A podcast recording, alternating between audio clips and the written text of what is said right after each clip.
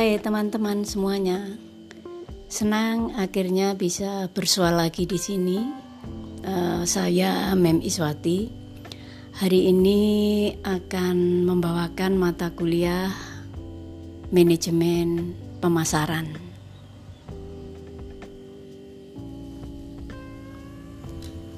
Apa itu pemasaran? Pengertian pasar secara umum didefinisikan sebagai tempat bertemunya penjual dan pembeli untuk melakukan suatu transaksi jual beli, baik itu barang maupun jasa, yang bertujuan untuk dapat memenuhi kebutuhan. Sedangkan pengertian pasar secara konsep ini merupakan kelompok individual atau perorangan atau kelompok yang mempunyai permintaan terhadap barang dan jasa tertentu, daya beli, dan berniat merealisasikan pembelian. Ada beberapa definisi pemasaran menurut para ahli. Pertama, menurut Philip Kotler, pemasaran merupakan suatu proses sosial dan manajerial yang di dalamnya kelompok dan individu mendapatkan apa yang mereka inginkan dan butuhkan dengan menciptakan penawaran dan mempertukarkan produk yang bernilai dengan pihak lainnya. Sedangkan definisi pemasaran menurut Philip dan Danchan, pemasaran merupakan sesuatu yang terdiri dari segala langkah yang dipakai untuk menempatkan barang yang diperjualbelikan ke tangan pembeli.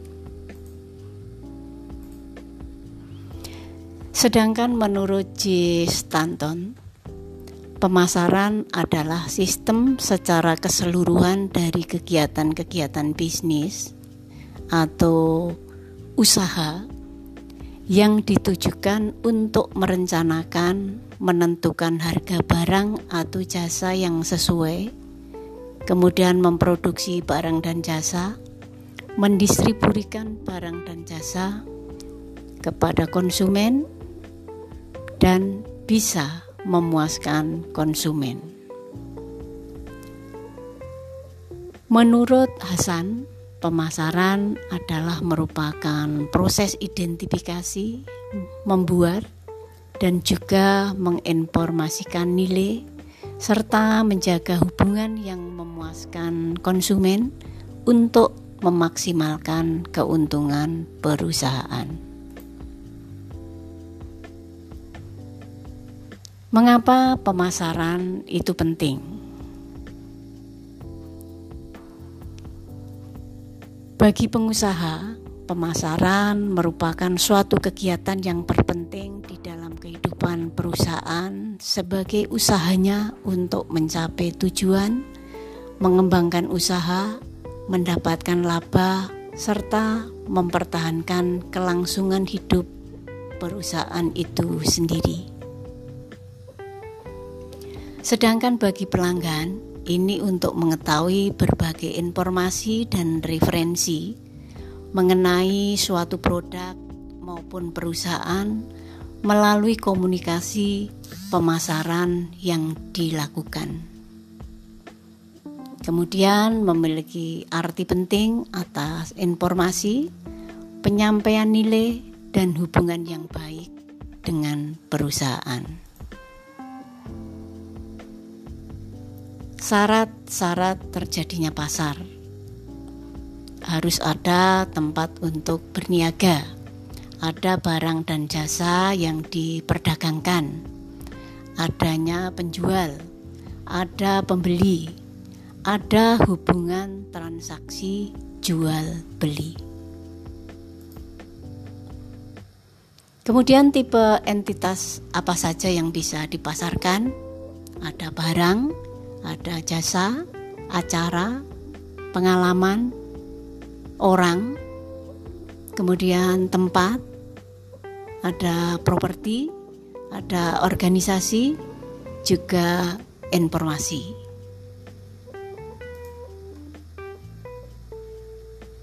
Tujuan terbentuknya pasar adalah untuk memudahkan konsumen mendapatkan barang dan jasa tertentu, memudahkan produsen untuk menjual hasil produksinya, meningkatkan perekonomian, juga memfasilitasi masyarakat.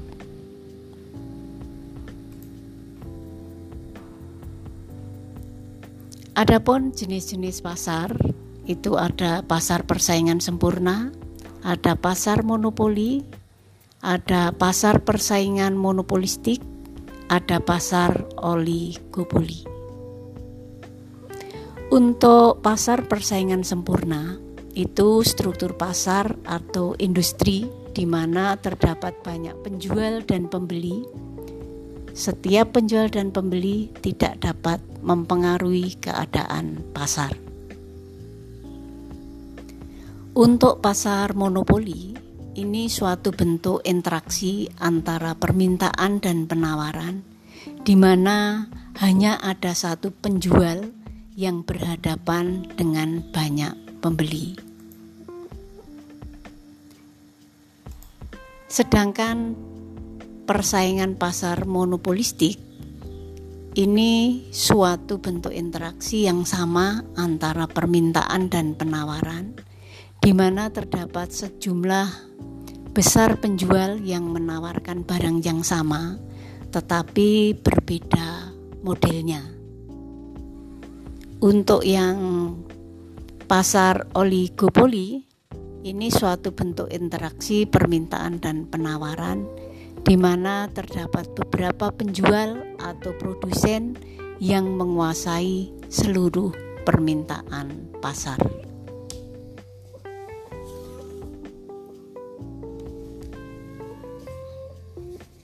Oke teman-teman, kita break sejenak sebelum saya lanjut ke segmen berikutnya.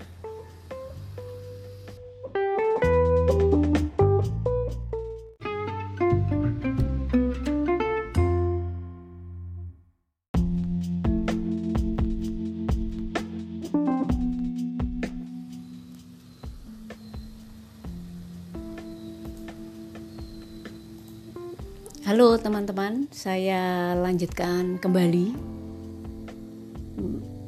Kita ke konsep pemasaran. Konsep pemasaran mengatakan bahwa kunci untuk mencapai tujuan organisasi terdiri dari penentuan kebutuhan dan keinginan pasar sasaran serta memberikan kepuasan yang diharapkan secara lebih efektif dan efisien dibandingkan para pesaingnya. Dalam pemasaran terdapat enam konsep yang merupakan dasar pelaksanaan kegiatan pemasaran suatu organisasi, di antaranya ada konsep produksi, konsep produk, konsep penjualan, konsep pemasaran, konsep pemasaran sosial, dan konsep pemasaran global. Sistem pemasaran Sistem pemasaran adalah kumpulan lembaga-lembaga yang melakukan tugas pemasaran, baik itu barang, jasa, ide, orang, dan faktor-faktor lingkungan yang saling memberikan pengaruh dan membentuk serta mempengaruhi hubungan perusahaan dengan pasarnya. Dalam pemasaran, kelompok item yang saling berhubungan dan saling berkaitan ini mencakup gabungan organisasi yang melaksanakan kerja pemasaran, kemudian produk, jasa, gagasan, atau manusia yang dipasarkan.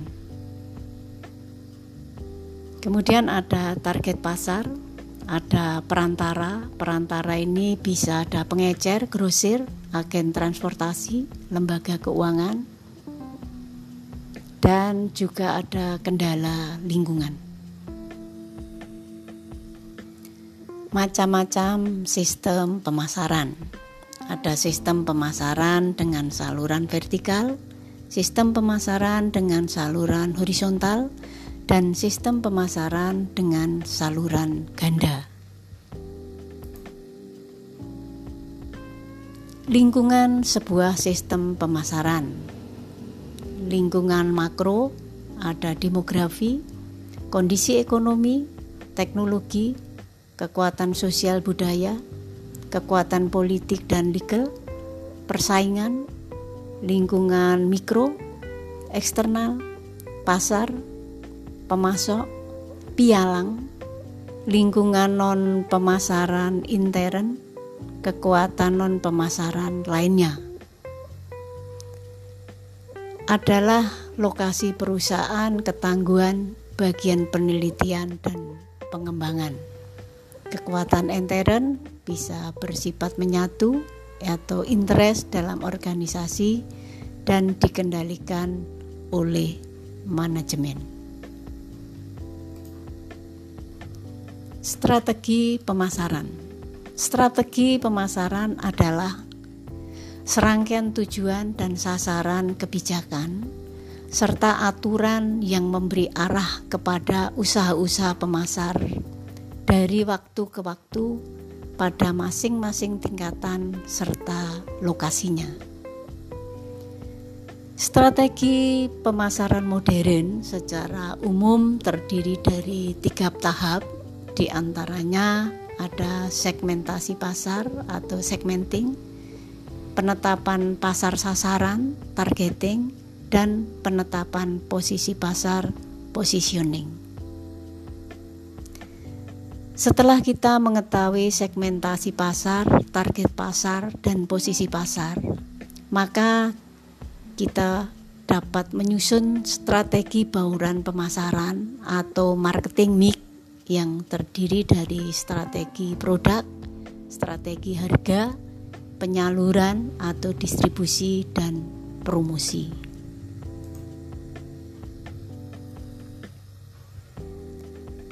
Untuk segmentasi pasar atau segmenting, secara umum terdapat tiga pasalah falsafah dasar sebagai pedoman bagi perusahaan untuk mendekati pasar, yaitu pemasaran massal, di mana keputusan untuk memproduksi dan mendistribusi barang secara massal.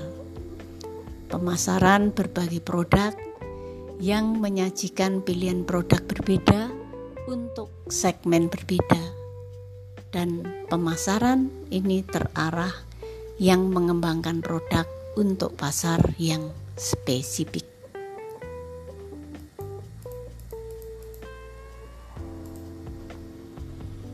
Kemudian untuk proses segmentasi target pasar atau targeting dalam menetapkan sasaran pasar atau target pasar, perusahaan terlebih dahulu harus melakukan segmentasi pasar dengan cara mengelompokkan konsumen atau pembeli ke dalam kelompok dengan ciri-ciri atau sifat yang hampir sama. Manfaat daripada target pasar ini perlu ditetapkan karena untuk mengembangkan posisi produk dan strategi bauran pemasaran. Kemudian memudahkan penyesuaian produk yang dipasarkan dan strategi bauran pemasaran yang dijalankan.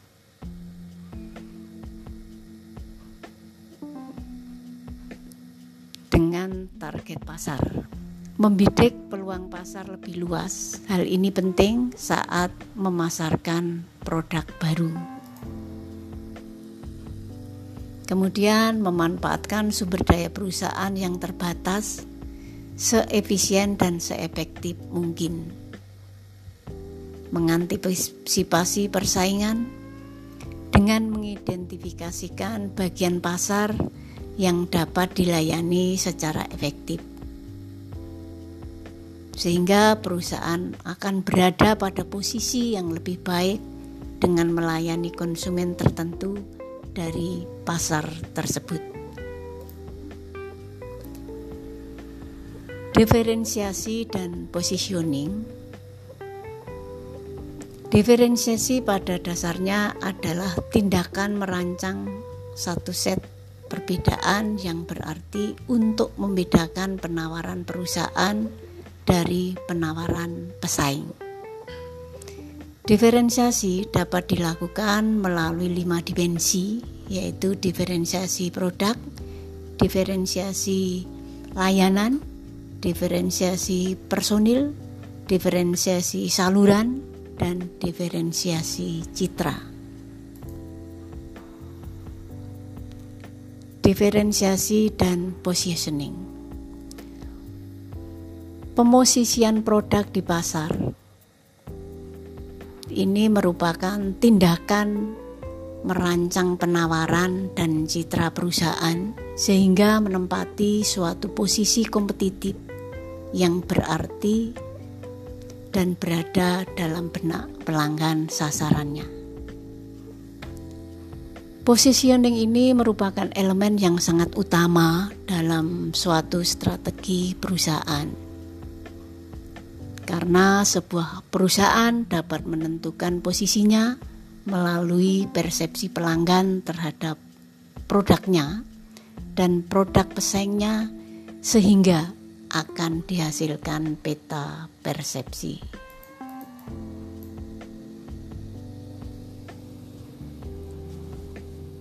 Oke, kita break sejenak sebelum saya lanjut ke segmen berikutnya.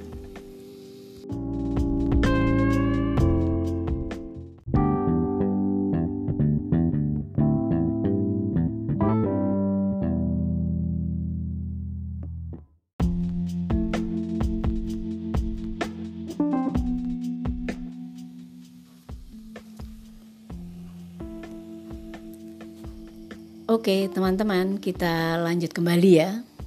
Sekarang mengenai diferensiasi. Diferensiasi dapat dilakukan melalui lima dimensi, yaitu diferensiasi produk, diferensiasi layanan, kemudian diferensiasi personil, diferensiasi saluran, diferensiasi citra. Untuk diferensiasi produk, ini membedakan produk utama berdasarkan keistimewaan, kinerja, kesesuaian, daya tahan, keandalan, kemudian untuk diperbaiki gaya dan rancangan produk. Untuk diferensiasi pelayanan, ini membedakan pelayanan utama berdasarkan kemudahan pemesanan, pengiriman, pemasangan, pelatihan pelanggan, konsultasi pelanggan, pemeliharaan, dan perbaikan. Untuk diferensiasi personil, ini membedakan personal perusahaan berdasarkan kemampuan, kesopanan, kredibilitas, dapat diandalkan, cepat tanggap, dan komunikasi yang baik. Untuk diferensiasi saluran, ini adalah sebuah langkah untuk pembedaan melalui cara pembentukan saluran distribusi, jangkauan, keahlian, dan kinerja saluran-saluran tersebut. Sedangkan diferensiasi citra ini membedakan citra perusahaan berdasarkan perbedaan identitas melalui penetapan posisi, perbedaan lambang, dan perbedaan iklan. Positioning Positioning menurut atribut produk, usaha memposisikan diri menurut atribut produknya. Positioning menurut manfaat, ini produk diposisikan sebagai pemimpin dalam suatu manfaat tertentu. Sedangkan positioning menurut harga atau kualitas, di mana produk diposisikan sebagai nilai atau harga dan kualitas terbaik. Sedangkan positioning menurut penggunaan atau penerapan ini adalah usaha memposisikan produk sebagai yang terbaik untuk sejumlah penggunaan penerapan. Sedangkan positioning menurut pemakai ini adalah usaha memposisikan produk sebagai yang terbaik untuk sejumlah kelompok pemakai. Sedangkan positioning menurut pesaing di mana produk memposisikan diri sebagai lebih baik daripada pesaing utamanya. Untuk positioning menurut kategori produk, produk diposisikan sebagai pemimpin dalam suatu kategori produk. Itu dulu teman-teman, kita break sejenak, nanti kita lanjut ke segmen berikutnya.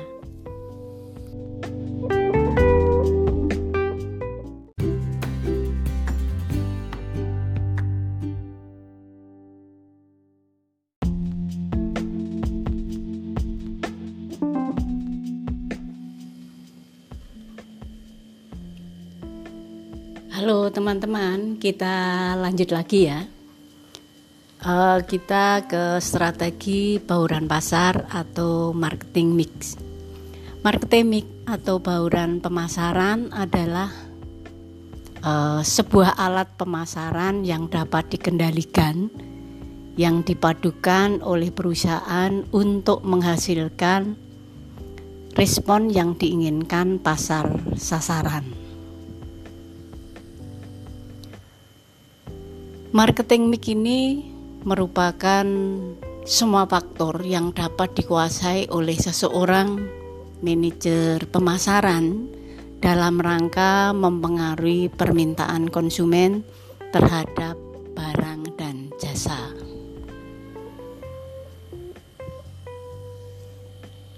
Target market atau target pemasaran itu ada produk, ada place, ada price, ada people, ada promotion, ada proses dan physical evidence. Produk itu desain, teknologi, branding, kegunaan dan fungsi. Kemudian value, kemasan produk dan kualitas produk. Untuk place itu lokasi, retail, grosir, positioning, market, channel atau saluran distribusi. Yang price itu ada strategi, asumsi, komparasi pasar, psikologi pelanggan, faktor inflasi, harga bahan baku. People ini ada karyawan, mitra strategis, budaya organisasi, customer service after sales. Yang promotion ini ada iklan, ada diskon, momentum, special offer, GVB, endorsement, sale canvassing, direct mailing. Sedangkan yang proses biasanya terkait erat dengan pelayanan perusahaan bagaimana menjamin kepuasan pelanggan dalam proses bisnis. Sedangkan physical dividend ini ada aset perusahaan, bangunan, kantor, fasilitas perusahaan, juga desain interior.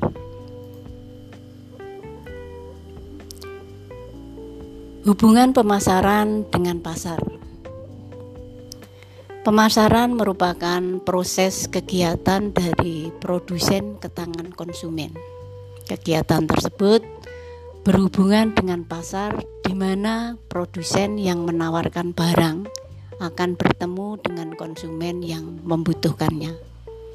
Di sinilah letak kegiatan pemasaran dilakukan dan kegiatan pemasaran tersebut mencakup strategi-strategi pemasaran yang baik cara-cara yang dilakukan perusahaan maupun saat kapan kegiatan tersebut dilakukan.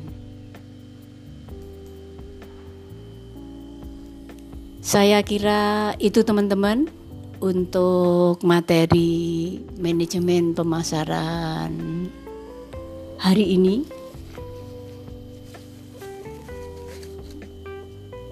Dan untuk materi episode ini teman-teman bisa mendownload di Adlink masing-masing program. Terima kasih.